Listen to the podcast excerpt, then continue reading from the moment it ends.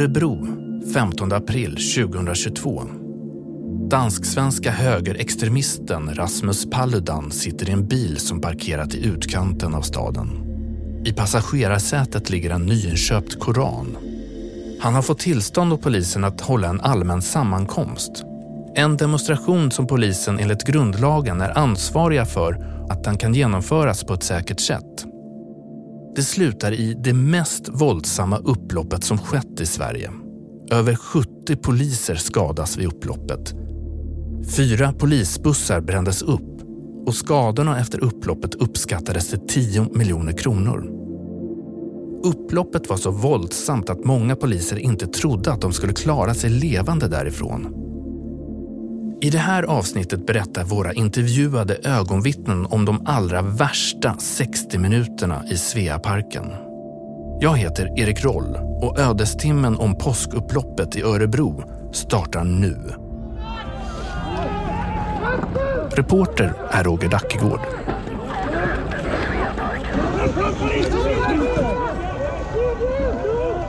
Lås dörrarna! Lås dörrarna! Man har varit i ganska många olika situationer. Men jag har aldrig varit så rädd som jag var den här gången faktiskt. Det är folk som slår på hela bilen och de sliter i dörren och han sitter där inne och håller emot. Och man bara tänker, herregud, får de upp dörren då kommer de döda honom. Jag tror alla kände att vi måste ut och hjälpa honom nu. Liksom. För det, det handlar om sekunder. Så slits dörren upp. Jag drar mitt vapen, siktar vapnet mot de personer som, som är på väg in i bussen. Han kommer, han, kommer, han kommer dö där inne. Klockan är 18.23, Sveaparken i Örebro, långfredag.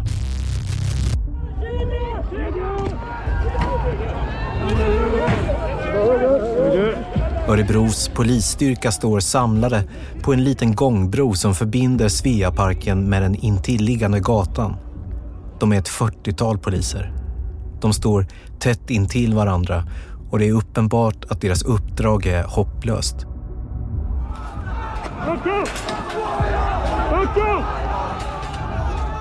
De ska se till att den högerextrema politikern Rasmus Paludan på ett säkert sätt kan genomföra en demonstration i parken och elda upp en koran. På andra sidan av gångbron uppskattar polisen att det samlats upp mot 600 motdemonstranter. Flera hundra av dem är beväpnade med stenar. Några bär på påkar och trädgårdsverktyg. Polisen befinner sig i ett massivt underläge. Jag ser en, en kollega han sticker ut för att han är stor, han är lång. Linus Elf är en av poliserna vid gångbron. Och jag ser hur, hur man från, snett från sidan kommer ett tiotal och kastar stenar. Alla kastar mot honom. Tio stycken samtidigt. Och han träffas av en sten i huvudet och singlar till marken. Det är klockren träff i, i huvudet.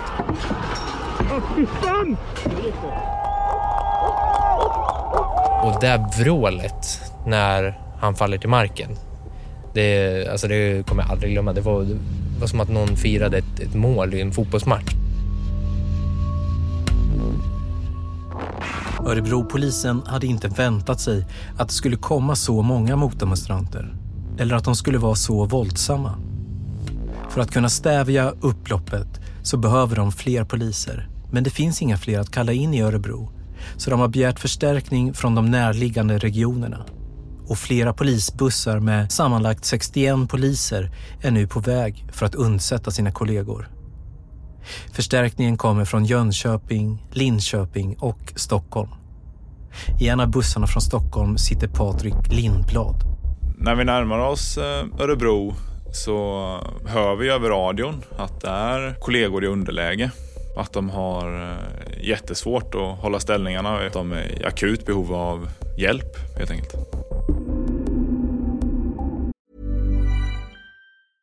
I'm Sandra and I'm just the professional your small business was looking for. But you didn't hire me because you didn't use LinkedIn jobs. LinkedIn has professionals you can't find anywhere else, including those who aren't actively looking for a new job but might be open to the perfect role, like me.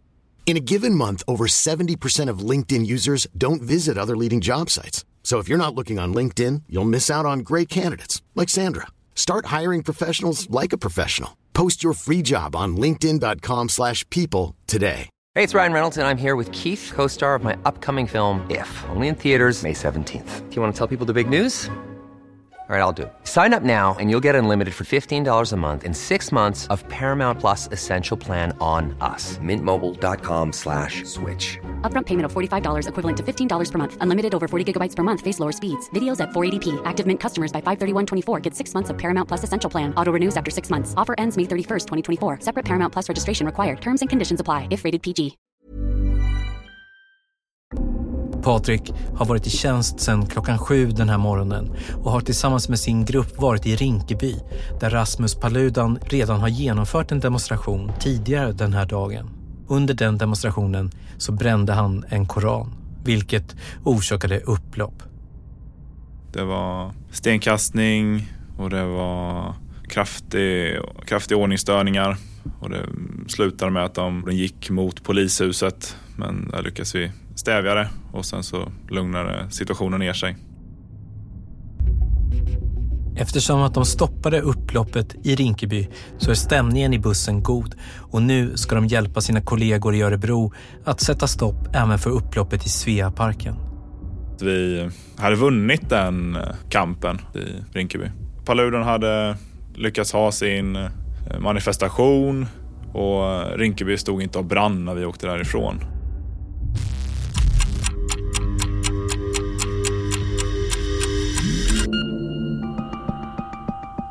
18.24. En kvinna springer snabbt bakom de stenkastande demonstranterna i parken. Jag är ju mitt ibland dem. Mitt ibland demonstranterna. Unga män som rusar fram. Hon tar skydd bakom en tätvuxen hög häck intill gångbron och ställer sig på en parkbänk så hon når över häcken. Framförallt kanske tjejer som står där och vi, vi, vi får se till att alla får plats. Jag får plats ibland dem så att jag ska se bra. De gör plats åt mig. Kiki Nilsson är professionell fotograf och är på plats i parken för att ta bilder främst till TT, tidningarnas telegrambyrå. Det var som en krigszon. Alla har stenar i händerna, de plockar upp nya och de slungar dem vilt. Och då tyckte jag att jag såg ganska snabbt en kvinnlig polis som stod, som jag, jag fotade henne och mötte hennes ögon och då såg jag på henne att hon är rädd. Kiki Nilsson står bakom häcken och fotar det som ser ut att bli en regelrätt strid mellan hundratals motdemonstranter och polisen som står på bron. Jag letar vinklar, jag tittar i kameran. Jag tänker inte jätte, jättemycket på vad som händer. Naturligtvis tänker man på det, men inte på samma sätt som om jag inte hade kameran framför ögonen. Plötsligt går en av motdemonstranterna fram och ställer sig mellan polisen och de som kastar sten. Han höjer sina armar som att be dem att sluta kasta. Men det får ingen som helst effekt. Stenarna fortsätter hagla över poliserna som en efter en faller ihop efter att ha blivit träffade. Det gick inte en sekund utan jag såg att en kollega fick en sten på sig. Man känner att det här, det här kommer inte gå. Men vi vet ju att vi har förstärkning på väg.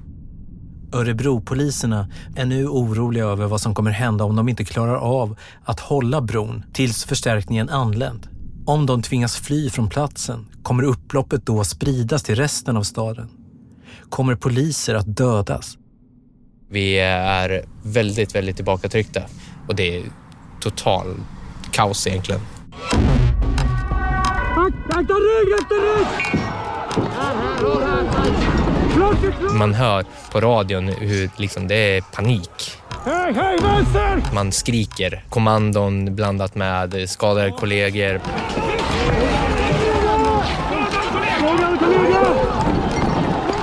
Man ser kollegor som kommer in med skadade. Det är liksom skräck i blicken. Nu är vi ganska ensamma här då.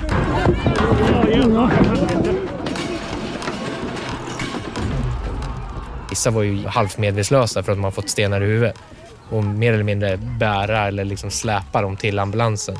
Här, kör in. Okej, ja, okej. Han De mest våldsamma scenerna av upploppet i Sveaparken kommer att kretsa kring den här lilla gångbron som är enda sättet att ta sig från parken till gatan intill eftersom det rinner en å som skiljer parken från gatunätet. Ån fungerar som en slags modern vallgrav för poliserna som har sin tillfälliga bas på gatan intill. Så bron är deras sista fäste. Tappar de den så är slaget förlorat. Och nu undrar alla vad som hänt med deras förstärkning. Till en början så kör vi ju fel, till en fel plats. Vi kommer till en återvändsgränd. Jonas Backalén kör en av de fyra specialbyggda polisbussar som kommer från Stockholm med åtta poliser i varje buss. Han kör med blåljusen på och försöker hitta rätt väg till Sveaparken. Vi hör ju på radion att det är extremt påfrestande och det är som vi kallar ett rött läge som pågår i Örebro. Vi, vi får ju eh, en plats vi ska ta oss till och vi kör ju fel med avdelningen.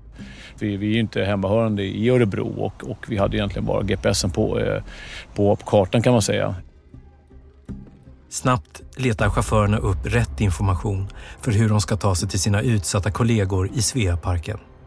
När de vänder bussarna i återvändsgränden hör Jonas och de andra på polisradion att allt fler poliser skadas och att läget nu är desperat för poliserna i parken. Så vi fick ju vända samtidigt, samtidigt då som man hörde på talgruppen att det är kollegor i underläge. Klockan 18.27 anländer förstärkningen från Stockholm till Sveaparken. De kör ut med flera stycken bussar i parken för att liksom skingra folkmassan. Totalt är det 61 poliser i förstärkningsstyrkan. Jonas stannar sin polisbuss mitt i parken.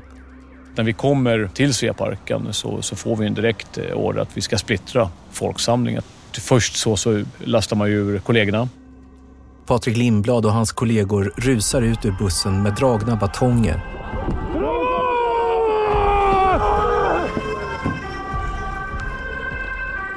Och flera av poliserna träffas direkt av stenar. Inte backa! Den positiva stämningen som förstärkningsstyrkan hade efter insatsen i Rinkeby är nu på några sekunder borta. Jag blev träffad eh, massvis med gånger. Mellan 40, 50 stenar kanske. Det är män, kvinnor och även barn som kastar. Vad är det här för någonting? Det, det här är ju inte, det här är inte möjligt. Det är, det är ett handboll stora stenar som, som liksom studsar mot fordonet. Spade! Patrik Lindblad har varit polis i nio år men aldrig upplevt något liknande som upploppet i Sveaparken. Man har varit i ganska många olika situationer. Men jag har aldrig varit så rädd som jag var den här gången faktiskt. Man har alltid någon stenkastare i ryggen var man än rör sig. Och det blev eh, lerigt och halt så det kändes som ett eh, medeltida slagfält. Man halkade runt där.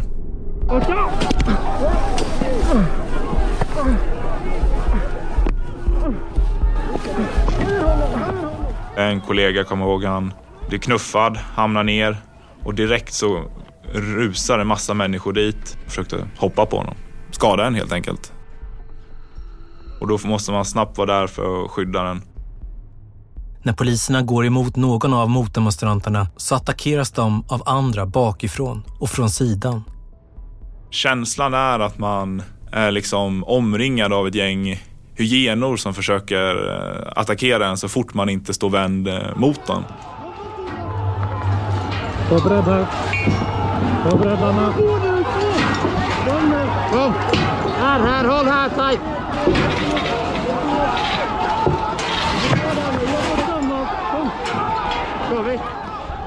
Efter att Jonas Packalén släppte av sina kollegor kör han ensam i den specialbyggda polisbussen som kan stå emot stenkastning och hårda slag. Mot de våldsamma motdemonstranterna.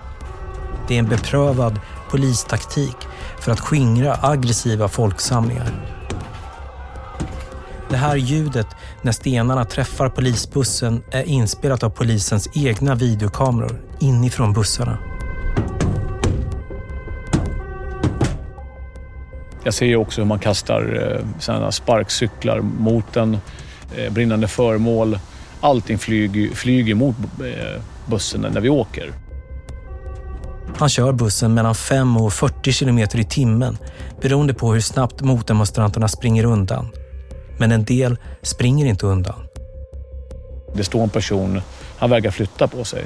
När jag kommer med full fart så han tar sats och hoppar mot bussen. Studsar bort från bussen, rullar, rullar in i en buske, kommer tillbaka, hoppar in igen. Och där fortsätter han vid tre tillfällen. Ja, det var det sjukaste jag sett någonsin.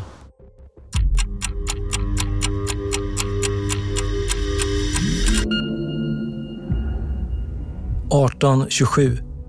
Vi får bra effekt på folkmassan som splittras och sprids ut över hela Sveaparken. De extra förstärkta polisbussarna som kör mot folkmassan och den stora förstärkningsstyrkan som attackerar stenkastarna ger poliserna i parken en välkommen framgång. Våra kollegor som har varit här får lite andrum. Jag vet att vi omhändertar flera stycken som har skador, framförallt materiell som har gått sönder, hjälmar som har spruckit av stenar. Men framförallt så trycker vi tillbaks dem på andra sidan parken. Motdemonstranterna retirerar och springer långt bak i parken där det finns hus och trädgårdar. Men de lämnar inte platsen. Vi tar ifrån huset. Ja. De tar sten ifrån huset. Jakob! Vi plockar sten ifrån huset där. De har liksom tagit skydd i de här trädgårdarna. De börjar ju länsa, det kommer ut skottkärror och det är hockeyklubbor och golfklubbor och man börjar bryta upp dekorationssten från de här trädgårdarna. Polisen springer efter men solen ligger lågt och de efterföljande poliserna får det starka solljuset i ögonen. Vi ser ingenting här! Det var precis i solnedgången och vi hade solen i ögonen. Stenkastarna hade solen i ryggen och så har man ett visir och just visir och sol i, i motljus, det blir inget bra. Poliserna i parken möter motgång efter motgång. Det är solen i ögonen, den hala leran, redskap och stenar från trädgårdar intill som motdemonstranterna kan använda som vapen. Och det kommer bli värre. Han sitter fast, han är jävla skit. Polisbussarna som varit så effektiva i att splittra folksamlingen får problem när de kör i parken. De är framhjulsdrivna och börjar nu köra fast i det leriga gräset.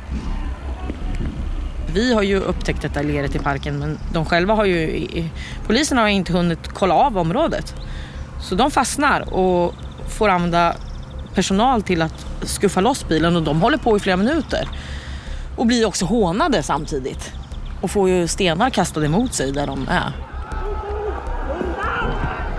Ja, tyvärr kände väl jag lite, jag hade inte lust att håna dem men jag kände bara, men vad håller vi på med? Polisbefälen på plats i Sveaparken börjar nu diskutera hur stor chans de har att säkra platsen. Trots förstärkningen så avtar inte våldet från motdemonstranterna. Kommer det lugna ner sig? Förmodligen inte och det finns ingenting som tyder på att det skulle göra det. Så eh, jag vet att frågan lyfts eh, uppåt. Det här kommer inte gå. Men det finns inget polisbefäl i parken som har befogenhet att dra tillbaka Paludans tillstånd för den allmänna sammankomsten. Det är ju ingen här i parken som har det mandatet att ta det beslutet när det är så pass starka juridiska rättigheter. Utan det, är ju, det ska ju upp och hanteras på högsta nivå. Polisbefälen i parken ringer nu kommenderingschefen för insatsen. Han befinner sig i sin lägenhet i Sälen, 28 mil därifrån. Kommenderingschefen får en rapport om hur läget ser ut och att motdemonstranterna är för många och för våldsamma för att polisen ska kunna säkra parken. Men kommenderingschefens svar är att polisens uppdrag kvarstår. De ska försöka säkra parken så att Rasmus Paludans demonstration ska kunna genomföras. Det är ju en grundlagsskyddad rättighet att har man fått en, en allmän sammankomst beviljad, då, du, då, har, då ska det genomföras. Så långt det bara går så ska vi ju göra det.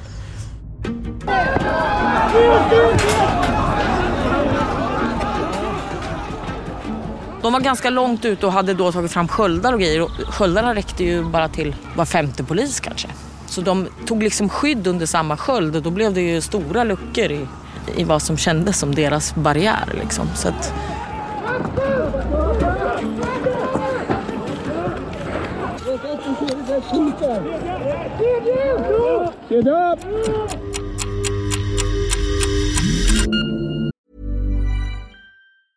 There's never been a faster or easier way to start your weight loss journey than with PlushCare.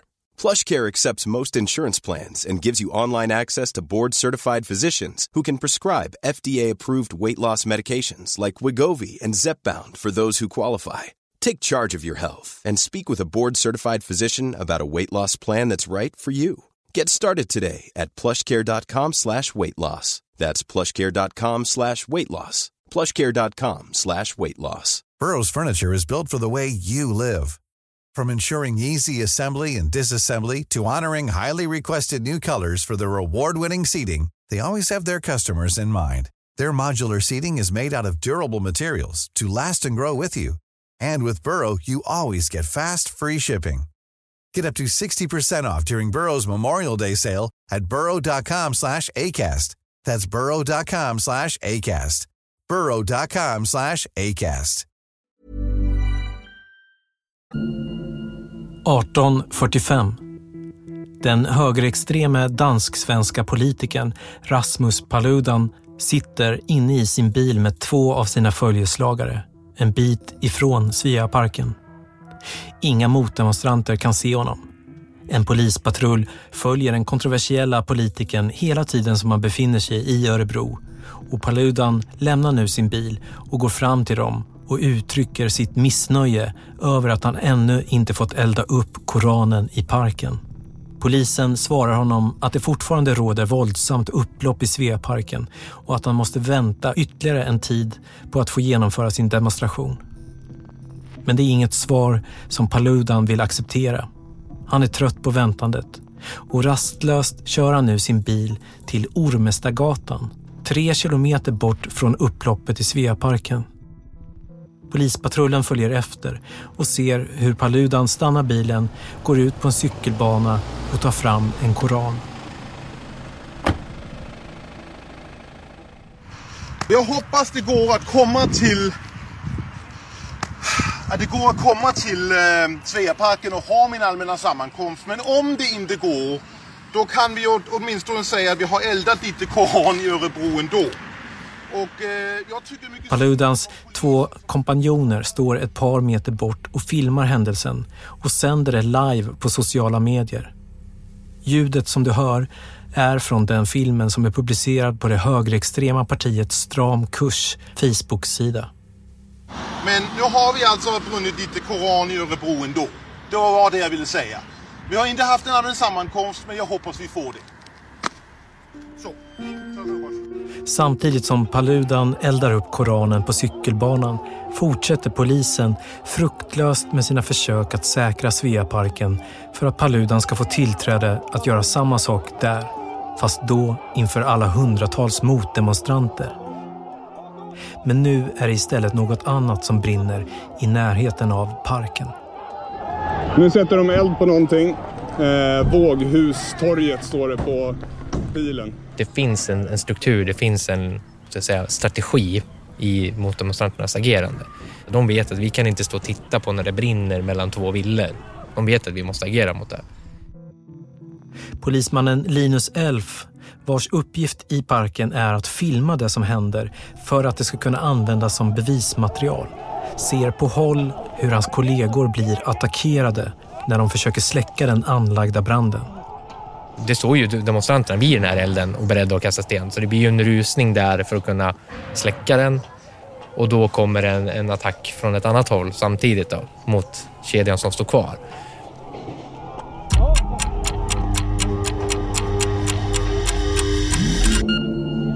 –1903. Så uh, får vi order om att uh, nej, det kommer inte bli någon manifestation. Vi kommer ställa in det här. Det, uh, vi klarar inte av att fullfölja uppdraget helt enkelt. Beskedet är taget av kommenderingschefen som befinner sig i sin lägenhet i Sälen. Och det kommer 30 minuter efter att poliserna på plats gjort bedömningen att det inte kommer gå att säkra platsen. För poliserna i parken är det väldigt långa 30 minuter. Det är väl där man kan känna ganska stor frustration. Det tar ganska lång tid innan vi får en återkoppling. När, när väl det beslutet kommer så upphör ju egentligen hela vårt uppdrag som är att säkerställa platsen. Vilket gör att då blir fokus på hur tar vi oss härifrån snabbast och säkrast. Men det är också där det blir som allra, allra värst. Många poliser som tjänstgjort i parken har vid den här tiden skadats och förts till sjukhus. Men de värsta delarna av upploppet kvarstår. Det är efter att alla poliser får order att lämna Sveaparken som våldet från motdemonstranterna kommer kulminera. Det är som att de känner att oj, oj, oj, nu, nu, nu backar de, nu, nu jävlar kör vi liksom. Motdemonstranterna vet inte att Rasmus Paludans demonstration och koranbränning är inställd. De uppfattar istället som att polisen flyr från parken. Attackerna tilltar. De är mer modiga i sina attacker, kommer närmare. Alla poliser ska nu flytta sig från den öppna parken mot den trånga gångbron. Och då blir det väldigt, väldigt mycket fler stenkastare på en mycket mindre yta. Och också den effekten att alla stenar de en gång har kastat kan de kasta en gång till.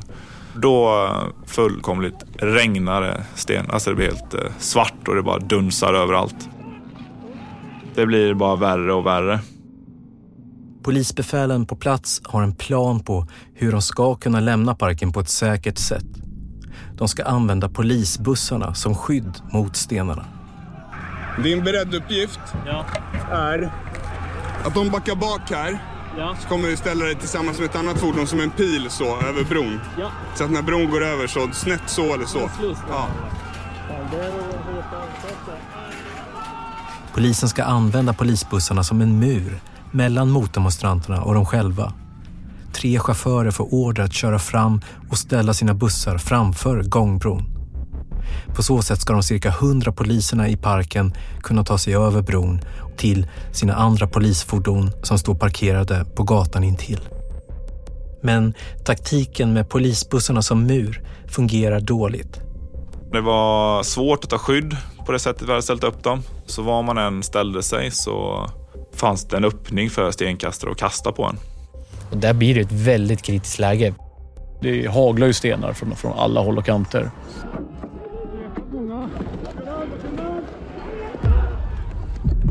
En stor skara våldsamma motdemonstranter har samlats framför polisbussarna. En av polisbussarna kör då långsamt framåt mot stenkastarna för att skingra dem. Problemet då är att eh, bussarna har blockerats av eh, massa bröte. Allt ifrån staket till stenar till grenar till stubbar, allt möjligt. När bussen ska backa tillbaks så fastnar den på ett av kravallstaketen som ligger omkullvräkt på marken. Så vi får inte bort eh, en av bussarna, den har kört fast helt enkelt. Nu har de flesta poliser tagit sig över gångbron till gatan intill. Och polisbussen som fastnat befinner sig i ett väldigt utsatt läge. Det står en bi- bil till bakom och det är flera poliser men alla tar skydd för det haglar sten. Några försöker ta sig fram och det måste backa. Tolv personer står vid bussens front och kastar stenar mot vindrutan. Tre personer har hoppat upp på bussens tak. Två personer försöker ta sig in vid förarsätet. Och alla poliser har nu flytt från platsen. Alla utom föraren i bussen. Där ser jag ju när jag sitter liksom längst fram i bussen att det går ju väldigt fort. Och till slut så ser jag ju jag längst fram och alla mina kollegor är bakom. Han blev ju lämnad av de andra. De öppnar sidodörren och, och hoppar ur och drar sig bakåt. Och han blev ensam kvar. Pressfotografen Kiki Nilsson, som ser hur utsatt den ensamma polisen är, är nu övertygad om att han kommer att dödas av folkhopen. De sliter i dörren. De står utanför. Det är folk som slår på hela bilen. De sliter i dörren och han sitter där inne och håller emot. Och man bara tänker, herregud, får de upp dörren då kommer de döda honom. Jag hinner absolut känna rädsla, panik. Jag måste ju ta mig från platsen på något sätt. Framförallt med tanke på att kollegorna kan ju inte komma, kan ju inte komma och, och hjälpa mig, biträda mig. Jag tror alla kände att oj, nej det här, vi måste, vi måste ut och hjälpa honom nu liksom. För det, det handlar om sekunder. Jonas Packalén ser att någon längre bak i folkhopen har tänt eld på något och han tänker att de kommer försöka sätta eld på bussen som han sitter i. Han måste ta sig därifrån. Men hur? Och så slits dörren upp av en person. Ja, och där kastar han en sten mot... Jag känner att jag blir träffad av en sten när man sliter upp dörren. Och så försöker han ta sig in, så jag, jag, liksom, jag trycker ut. Jag kommer att jag slår, slår mot hans ansikte och liksom även sparkar ut honom. Den, den del av kroppen som han liksom har innanför dörren. Och det går ganska fort. Jag lyckas ju få ut honom så att säga. Varpå jag, jag direkt efter drar mitt vapen, så jag siktar vapnet mot, mot den här folksamlingen och de personer som, som är på väg in i bussen. Samtidigt hör jag ju också varningsskott. Jag hör ju det när jag sitter inne i bussen att, att kollegor eh, av, avlossar varningsskott. Den här horden av eh, stenkastare kommer närmare bussen som eh, min kollega sitter i. Ett fåtal poliser upptäcker att Jonas Packalén är ensam kvar i en av polisbussarna och gör nu en rusning mot bussen för att hjälpa honom. Och vi eh, försöker helt enkelt eh, se till att eh, han ska komma ut ur den eh, säkert. De kommer inte ända fram eftersom det haglar stenar mot dem så de måste ta skydd bakom samma buss som Jonas sitter i. Patrik Lindblad är en av de poliserna. Jag är osäker på om Jonas förstår att vi är bakom bussen. Troligtvis inte för att det är så uh, kaosartat och uh, han försöker nog bara ta sig därifrån bäst han kan. Så han är, är troligtvis livrädd och känner sig kvarlämnad. Samtidigt som Jonas Packalén sitter med draget vapen inne i bussen så har motdemonstranterna nu också upptäckt att Patrik och de andra poliserna är bakom bussen. En person som är beväpnad med en påk i ena handen och sten i den andra närmar sig nu Patrik och hans kollegor. Så då drar jag mitt vapen och så skjuter jag först ett eh, varningsskott framför fötterna på honom. Och då blir han eh, rädd. Man ser det på honom. Han blir jätterädd och tappar eh, stenen som han är på väg att kasta. Efter det varningsskottet så tänker Patrik att han ska skjuta den våldsamma mannen i benet. Så tar jag upp eh, och siktar högre mot eh, benen då. Men då händer något oväntat. I samband med det så kommer en eh, äldre man och tränger sig in mellan mig och killen med påken.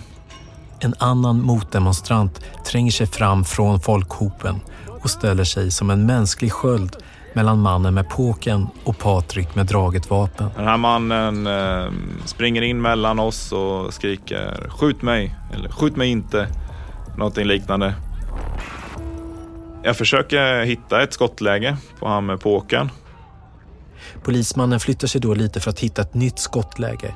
Men mannen som agerar som mänsklig sköld följer då efter och ställer sig hela tiden emellan så att han inte kan skjuta.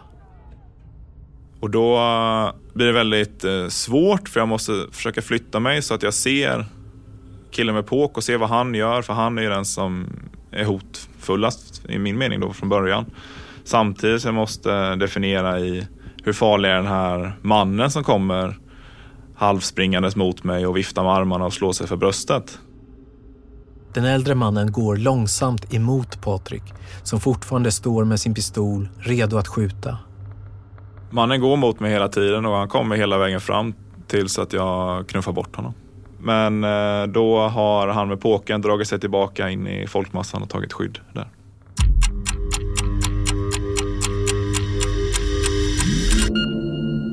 Nitton, nitton. Jag lyckas ta mig ut, ut ur bussen. Jag siktar vapnet mot två personer minns jag som håller i några stora stenar. Jonas Packalén har nu tagit sig ut från bussens förarplats. Han hör varningsskotten som Patrik och de andra poliserna avlossar men kan inte i kaoset se var de andra poliserna är någonstans. Samtidigt så känner jag att jag blir träffad av, av, av stenar. Eh, och det här gör ju, att, gör ju att jag håller kvar vapnet. Jag siktar mot de här personerna och är ju väldigt nära att skjuta. De skrek också så här, din, din jävla polisjävel, du ska dö typ. Pressfotografen Kiki Nilsson fotar allt som händer. Samtidigt tänker hon att det här kommer inte sluta bra. Han var eh, så trängd och så ensam så, och de var så många, så upprörda. Det här kommer, han, kommer, han kommer dö. Jonas förstår att vilket beslut han än tar måste vara ett snabbt beslut. Ska han avfyra varningsskott? Eller ska han skjuta någon av de som står med stenar beredda och som vill övermanna honom? Jag är väldigt nära att skjuta. Väldigt, väldigt nära att skjuta. Men jag känner mig inte riktigt säker på omgivningen. Jag minns att jag någonstans i det han tänker att skjuter jag nu så kan jag träffa någon som liksom befinner sig längre bort. Inför hotet av vapnet uppstår några sekunders tvekan hos motdemonstranterna som vill attackera Jonas Backalén. Det är tillräckligt lång tid för att han ska klara av att backa tillbaka och ta skydd bakom polisbussen där de andra poliserna befinner sig. När vi har säkrat att Jonas är ute och att vi är hela gruppen, då så tar vi oss tillbaka över bron. Jonas rör sig snabbt med de andra poliserna över gångbron för att ta sig in i en polisbil som väntar på gatan för att ta dem därifrån. Vi gestikulerar och skriker till varandra för det, det är ju samtidigt eh, det är fortfarande ett akut rött läge och det är, inte, det är inte många kollegor kvar. Resten har ju sprungit över till andra sidan bron. Men Patrik Lindblad, polisen som försökte skjuta den våldsamma personen med påken, känner sig inte säker på att alla poliser har lämnat bussarna. Och han tar nu ett mycket oväntat beslut. Ensam springer han tillbaka till polisbussen för att kontrollera detta. Ja, så man är van vid att ta initiativ och så jag springer fram framför bussarna och försöker eh, ja, slå bort de här stenkastarna helt enkelt. Jag var kanske lite snabb i min beslutsprocess och han inte förankra i resten av gruppen. Pressfotografen Kiki Nilsson ser förvånat på när den ensamma polisen kommer springande rakt mot alla motdemonstranter. Han är helt ensam. Ja, och de är ju inte få här. Och det är väl där eh, som jag är som eh, mest rädd. När Patrik Lindblad kommer fram till polisbussen så attackeras han inte bara av stenar. En av motdemonstranterna har tagit en pulversläckare som polisen lämnat kvar. Så får jag en pulversläckare sprutad i ansiktet, vilket gör att man ser väldigt dåligt och det blir ju massa pulver på visiret och i ansiktet och på kläderna. Det blir svårt att andas ja, tappar balansen, det är halt, man, har, man är trött. Man inser att man är i en jäkligt utsatt situation. Man klampar över något eh, staket som ligger där. Och um, halkar man nu så är man bara några sekunder ifrån att bli stampad på. Och då är man osäker på om man hade klarat sig. För jag är inte säker på att eh, mina kollegor ens hade förstått vad som händer. Och Patrik tvingas retirera. Jag får lite för mycket sten på mig och tvingas tillbaka. Pressfotografen Kiki Nilsson står fortfarande kvar bakom häcken och fotar allt som händer. Hon står med flera andra som nyfiket hejar på de våldsamma demonstranterna. Och där står jag på en parkbänk tillsammans med andra människor och är åskådare och de är mera åskådare än demonstranter. De kastar inte stenar, de är fascinerade, de tittar på, de hejar på. När demonstranterna upptäcker att det nu inte finns någon mer polis kvar vid bussarna stormar de platsen. Fyra personer hoppar upp på taket på bussen som står längst fram. Flera hoppar in vid förarsätet. Alla poliser har nu tagit sig över gångbron. Vår avdelningschef bestämmer sig för att, att vi ska lämna platsen. Det, det är alldeles för, för farligt att vara kvar. Ja, vi börjar sedan röra oss bort från platsen. Och det trodde jag ju heller inte. Man tänker sig ju inte att de ska lämna polisbussar på plats med, med allt som finns i bussarna.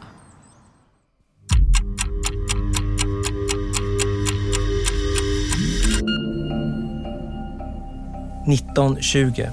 En av polisbussarna sätts i brand. Samtidigt hoppar poliserna stressat in i polisbilar som står vid gatan bakom bron och lämnar platsen. Flak är klart! Här drar jag alla med. Lås dörrarna! Lås dörrarna! Lås dörrar! Vad ska vi då? Kör, kör,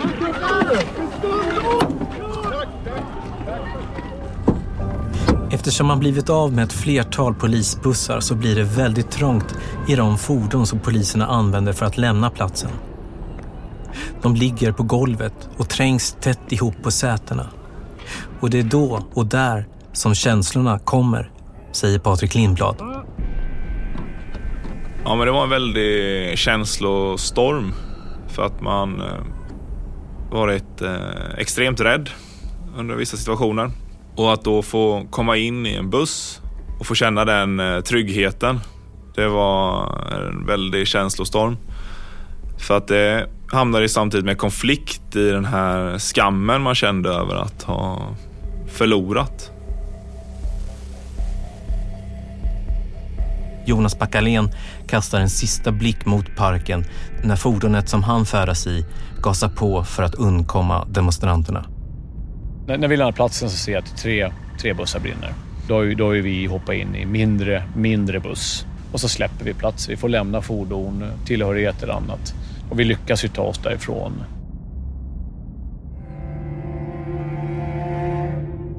Sen undrar man ju fortfarande när man står där, kommer det hända något mer? Kommer det, kommer det fler poliser? Är de tillfälligt borta eller vart tog de vägen? De försvann fort.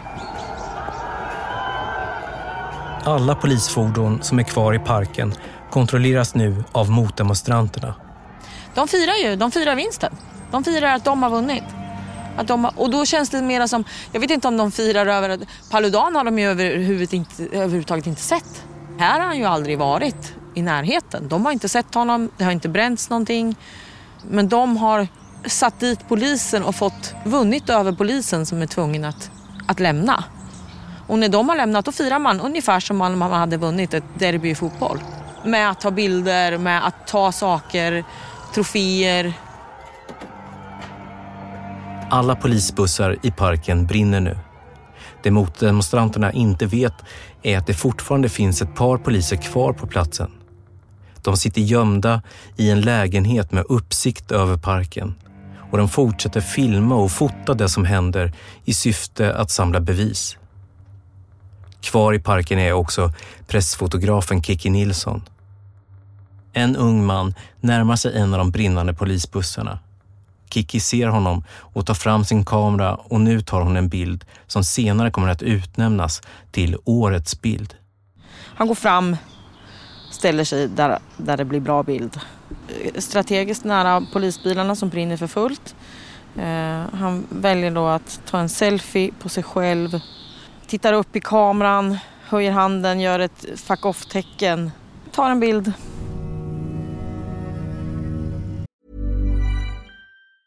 Planning for your next trip? Elevate your travel style with Quince. Quince has all the jet setting essentials you'll want for your next getaway, like European linen, premium luggage options, buttery soft Italian leather bags, and so much more. And is all priced at 50 to 80% less than similar brands. Plus, Quince only works with factories that use safe and ethical manufacturing practices. Pack your bags with high-quality essentials you'll be wearing for vacations to come with Quince. Go to quince.com slash pack for free shipping and 365-day returns. Solen är på väg ner och mörkret lägger sig i Sveaparken. Bara några minuter efter att polisen lämnat platsen upphör den våldsamma stämningen i parken. De flesta av motdemonstranterna lunkar långsamt därifrån. En äldre man står kvar och tittar på de utbrunna fordonen. Kiki Nilsson går fram till honom och de börjar prata med varandra. Mannen säger att det är obegripligt att någon ska ha rätt att elda upp Koranen och att han förstår att det blev en sån våldsam reaktion från motdemonstranterna. Han kan inte begripa att, att det ska vara okej. Men han är liksom inte... Han är ledsen över det. Upprörd över det. Jag tycker det är tråkigt. Och jag pratar med honom och säger att jag tycker det är fruktansvärt. Att jag, att jag inte kan begripa. Att, att jag tycker det är fel. Och han förstår det med. Han, han är absolut inte upprörd mot mig utan vi diskuterar kring lite av det som har hänt. Och så säger jag så här, ja vi får väl hoppas att det lugnar ner sig, säger jag nu. Nu verkar det ju bli lugnt. Titta på solen, säger han. Det går snart ner. Vi ska gå hem och äta nu. Så det blir lugnt.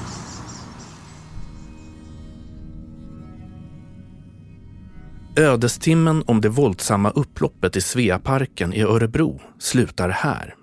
Och det här hände sen.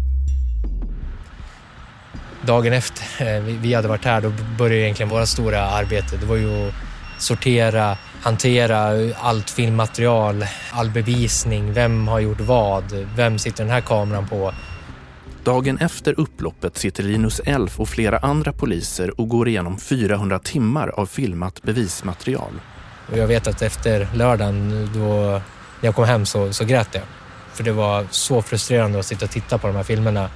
Det är liksom en frustration och man blir arg och man blir ledsen. Och, för det gör ont att stå och titta när ens kompisar... Liksom, för det är ju både kollegor och vänner. Och det är barnföräldrar och det är... Ja, jag kan tycka att det, det, är, inte, det, det är inte rätt. Liksom. Polisens egna videofilmer av händelserna i Sveaparken blir viktiga bevis som kommer att leda till att rekordmånga personer senare kommer att dömas till fängelse. Upploppet satte också djupa spår i flera av poliserna som deltog i insatsen. Varför sköt jag inte? Det här har jag ju liksom processat i huvudet många gånger. För Jonas Packalén som fruktade för sitt liv när han satt ensam i polisbussen i Sveaparken var det många tankar och känslor som avlöste varandra dagen efter. Bland annat om varför han inte sköt mot de som angrep honom. På ett sätt var jag glad. Jag är tillfreds med att jag inte sköt. Därför att utfallet blev att, att jag, jag blev inte skadad. Jag lyckades ta mig, ta mig bakom bussen. Därför, därför är jag ändå tillfreds med att jag inte sköt. Jag hade kunnat träffa någon annan. Men samtidigt så är det en extrem situation, en nödvändig situation för mig där fara för mitt liv verkligen föreligger. Hade jag blivit träffad på ett sätt som hade gjort att jag hade åkt ner i backen så hade jag nog inte kommit därifrån levande. Jag hoppas att... Eller till att börja med hoppas jag att jag aldrig kommer hamna i en sån här situation igen. Men hamnar jag i en sån här situation igen, då hoppas jag att jag använder tjänstevapnet. För att om, om jag ska välja mellan mitt liv eller, eller, eller att, att eh, se till att inte någon annan person skadar mig, så väljer jag det senare. Mm. Poliser får skjuta när de själva eller andra utsätts för hot eller svårare våld som kan orsaka allvarlig skada, vilket kallas för nödvärn. Och i Örebro fanns det förutom alla beväpnade poliser i parken också två poliser från insatsstyrkan med automatgevär och kikarsikte som från ett närliggande tak siktade på de mest våldsamma personerna. Men prickskyttarna sköt aldrig några skott och poliserna i parken sköt endast varningsskott. Att polisen inte sköt någon person var något som KDs partiledare Ebba Busch reagerade på. När hon blev intervjuad i lördagsintervjun i Sveriges Radio så sa hon så här. Vi hade personer som tog till sten i syfte att döda svensk polis, i syfte att döda räddningstjänst, i syfte att döda i vissa fall sjukvårdspersonal. De borde vara de som är skadade, inte svensk polis. Så frågan som borde ställas det är ju varför sköts det inte skarpt? Ebba Buschs uttalande fick mycket kritik från politiker och även av företrädare för polisen.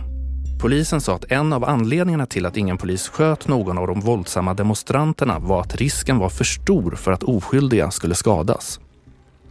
Så varför blev det så våldsamt i Sveaparken? Biträdande regionpolischefen i Bergslagen, Niklas Hallgren, säger att polisen i Örebro blev överraskade över demonstranternas våldsamhet och hur många de var. Det var ett antal faktorer som skapade någon form av nästan eh, ja, perfekt storm där vi möttes av en eh, betydligt mer motiverad eh, motståndare än vad vi och våldsam motståndare än vad vi hade kunnat, eh, vi kunde förutse i vart fall.